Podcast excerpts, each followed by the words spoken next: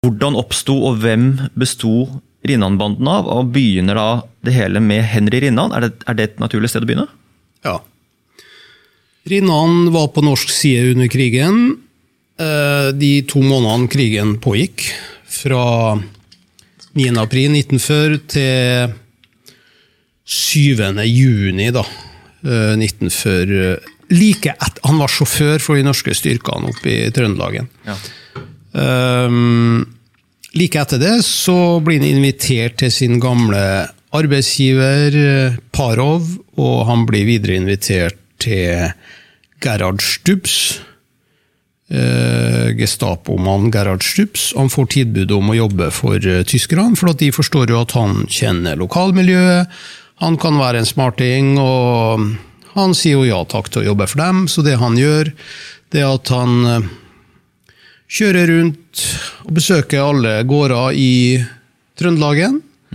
Og særlig de gårdene, han starter jo med de gårdene hvor han selv har vært eh, eh, under krigen, da, hvor han visste om at det var gjemte, at, hvor de gjemte våpen osv. Og, så og så spør han på den og den og den gården om at ja, nå ligger vel våpnene fortsatt eh, på låven.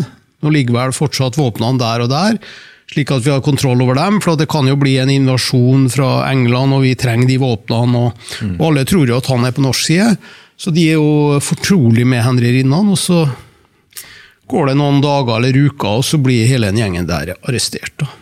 Mm. Sånn starta jeg. Akkurat. Og så vi ta på, Skriver du mye om Henry Rinnans bakgrunn og barndom og historie og sånn? Tar du for deg det? Ja, jeg har Jeg kom jo ut med den første boka mi om Henry Rinnan, 'Rinnan et nærbilde', på Universitetsforlaget i 1995. Og der intervjua jeg, tok kontakt med uh, lærerinna. Hun som hadde vært lærerinne til Skal vi se nå, jeg må passe meg litt. Uh, nei, jeg tok ikke kontakt med henne, men jeg, jeg jobba i NRK den gangen, og jeg lytta til et radioprogram, radioprogram, hvor hun var intervjua, hvor mm. hun sa at det var ikke noe spesielt med Henry Oliver Rinnan. Han var en snill gutt, og han var medium flink på skolen osv. Så, videre, og så, videre. så det var den ene. Og så snakka jeg med to brødre av Rinnan. Um, som sa at han var storebror, og noe, har ikke noe vondt å si om han før krigen kom. Uh, sønnen til Rinnan, Roar, mente at uh, Henry var snill som et lam, og alltid snill med han. Uh, kona til Rinnan sa at det var aldri noe tull med Henry før, før krigen brøt ut. Mm. Da, han hadde ikke noe elskerinne her og der, slik som under krigen. Så Um, før krigen kom, så, så, var han så godt som så normal som det går an å være. Ja. Det, der, det bildet som vi har av nå, som, som, vi har fått vite, liksom, jeg tror du er inne på det også, sånn type blir fremstilt som ond. Uh, men, uh, og, og, så Jeg vet ikke om han blir fremstilt som litt dum, men uh, litt sånn bondetampete. Men så vidt jeg har skjønt, så på han hadde han ekstremt mye sjarm og var ganske intelligent også på mange måter. Han hadde en hukommelse på jeg vil nesten si på linje med Magnus Carlsen. Altså, han hadde en ekstrem hukommelse. Han huska detaljer, han huska ansikt, han huska alt. Og du vet, ja. i hans uh, system da, så var det veldig viktig å huske ting, for han løy jo så ofte. Ja, og det var så mye dekknavn, og du mm. vet jo selv at hvis du lyver mer enn to-tre ganger, da skulle jaggu meg Da går det helt i surr. Ja. Mm. Så det, han var Når det gjelder hukommelse, så var han et geni. Og det, og det kommer godt med, for det høres jo på til den oversikten han må ha hatt med ansikter, logistikk, eh, huske detaljer. Og liksom dette må jo ha vært gull verdt eh, i, i det greiene her som han gikk inn i. da. Han var altså Konklusjonen på Henry Rinnan under krigen, ifølge Gerhard Flesjås, var hans eh, overordnede i Gestapo. Han var en genial agent, mm. rett og slett. Han hadde de egenskapene som de var på jakt etter. Han, det at han var liten og sjarmerende, kanskje det var ja.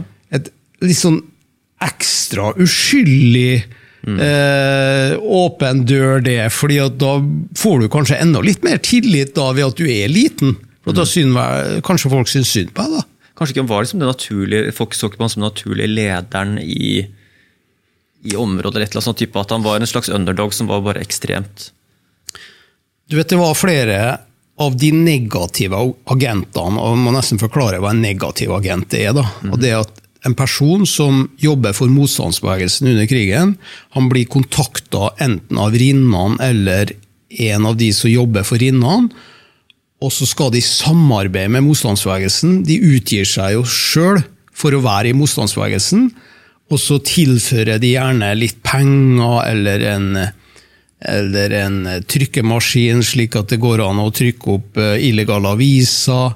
Eh, de infiltrerer seg inn i en motstandsbevegelse.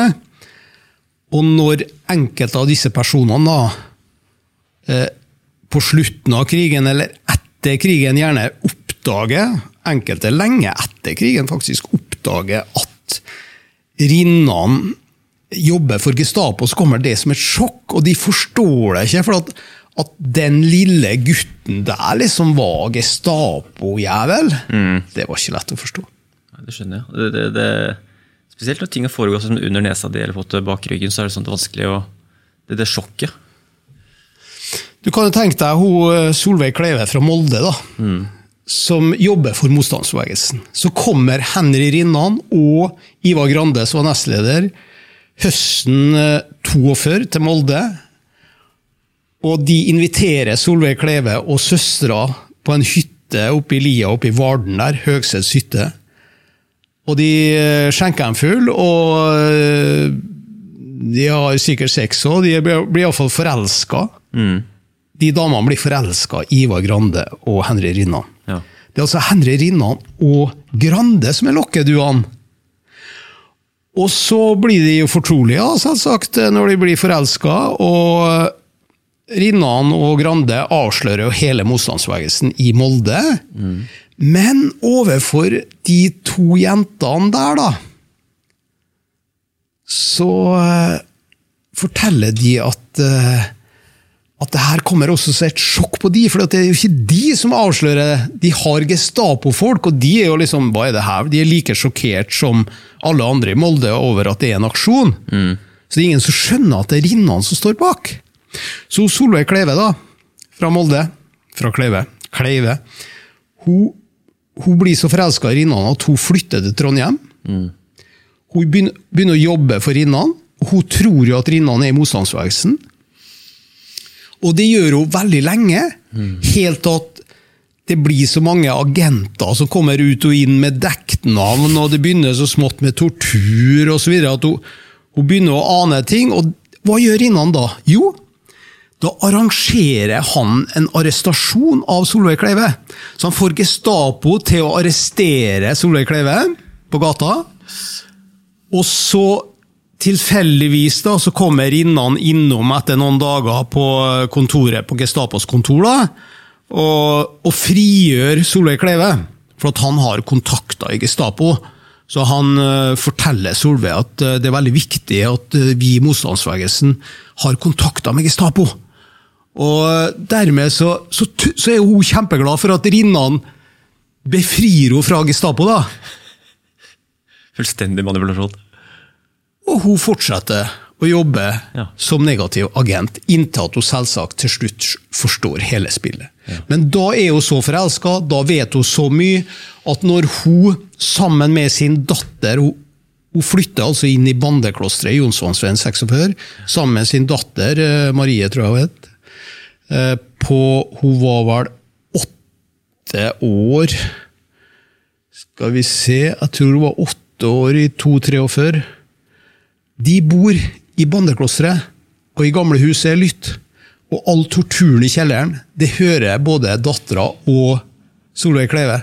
Og hun kan jo ikke da slutte! Det går ikke an å altså, Det gikk an å slutte i, i Rinnamannen, men Solveig Kleive kunne aldri det. Hun kunne ikke rømme til Sverige. Altså, da trua jo Rinnan umiddelbart med at han ville ta livet av henne hvis hun ble oppdaga. Mm. Ta livet av dattera, ville ta livet av eh, foreldrene hennes osv. Så, så eh, du kan si mm, Jeg har ikke kommentert om disse straffene til Rinnanbanen er for sterk eller for svak, men akkurat til Solveig Kleive er jeg av den bestemte oppfatning at hun kommer såpass uskyldig borti det og har så store problemer med å forlate Rinnamannen at jeg syns hun får en streng straff. Hun får åtte år, da.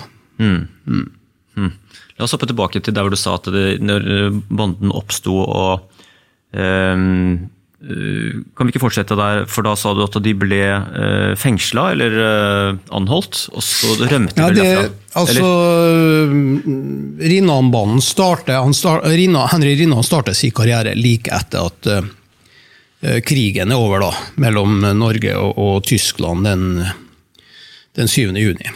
Så rett etter det så begynner Rinnan å jobbe for Gestapo. Men det er først eh, Han får sitt gjennombrudd i Ålesundsaksjonen. Lille London, som det heter. Og den aksjonen eh, skjedde 22.2.1942. I forkant av det så verver Rinnan eh, en dame og to menn i Steinkjer. De får eh, en klekkelig betaling for 700 kroner for å være med på et oppdrag i Ålesund. Det er Ragnhild Strøm som er syerske.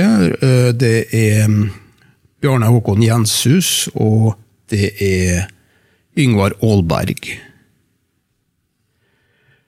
Hun syerske Ragnhild Strøm da, hun er altså mm, Hun tjener 35 kroner måneden, som er lavt betalt. En øh, gjennomsnittlig lønn for en kvinne den gangen var ca. 130-40 kroner måneden. Hun får tilbudt 700 kroner for å være med på et par ukers arbeid i Ålesund.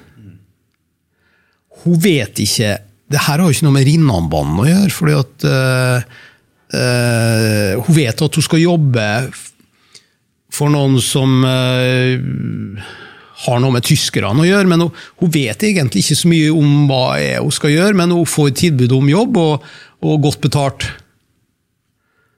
Og Det er jo et, eksempel, et av eksemplene som viser at Nå vet ikke jeg hvor flink du er å sy, men at eh, en dame som holder på med håndverk, og som tjener veldig lite, og som får tilbud om en klekkelig lønn, hun kunne faktisk sagt ja til det her. Og hun sa ja til. Etter den Ålesundsaksjonen så er hun med på ett eller to eh, små oppdrag til, men hun slutter. Men den Ålesundsaksjonen var nok til at hun fikk 21 års fengsel. Jøss, 21 år, ja. Fordi konsekvensene av den Ålesundsaksjonen, det var nemlig at 27 det var 27 stykker som skulle rømme til England. Og eh, alle ble arrestert. 18 av de ble eh, skutt på Trandum som en hevnaksjon for eh, Telavåg-affæren utenfor Bergen. Re- Resten ble sendt i tysk konsentrasjonsleir, og det var bare Sigurd Evensmo, forfatteren, som overlevde. Og det var så dramatisk, da kan du si, og det her visste de jo da etter krigen, at det ble eh, sett på som så ille at eh, Ragnhild Strøm fikk 21 år.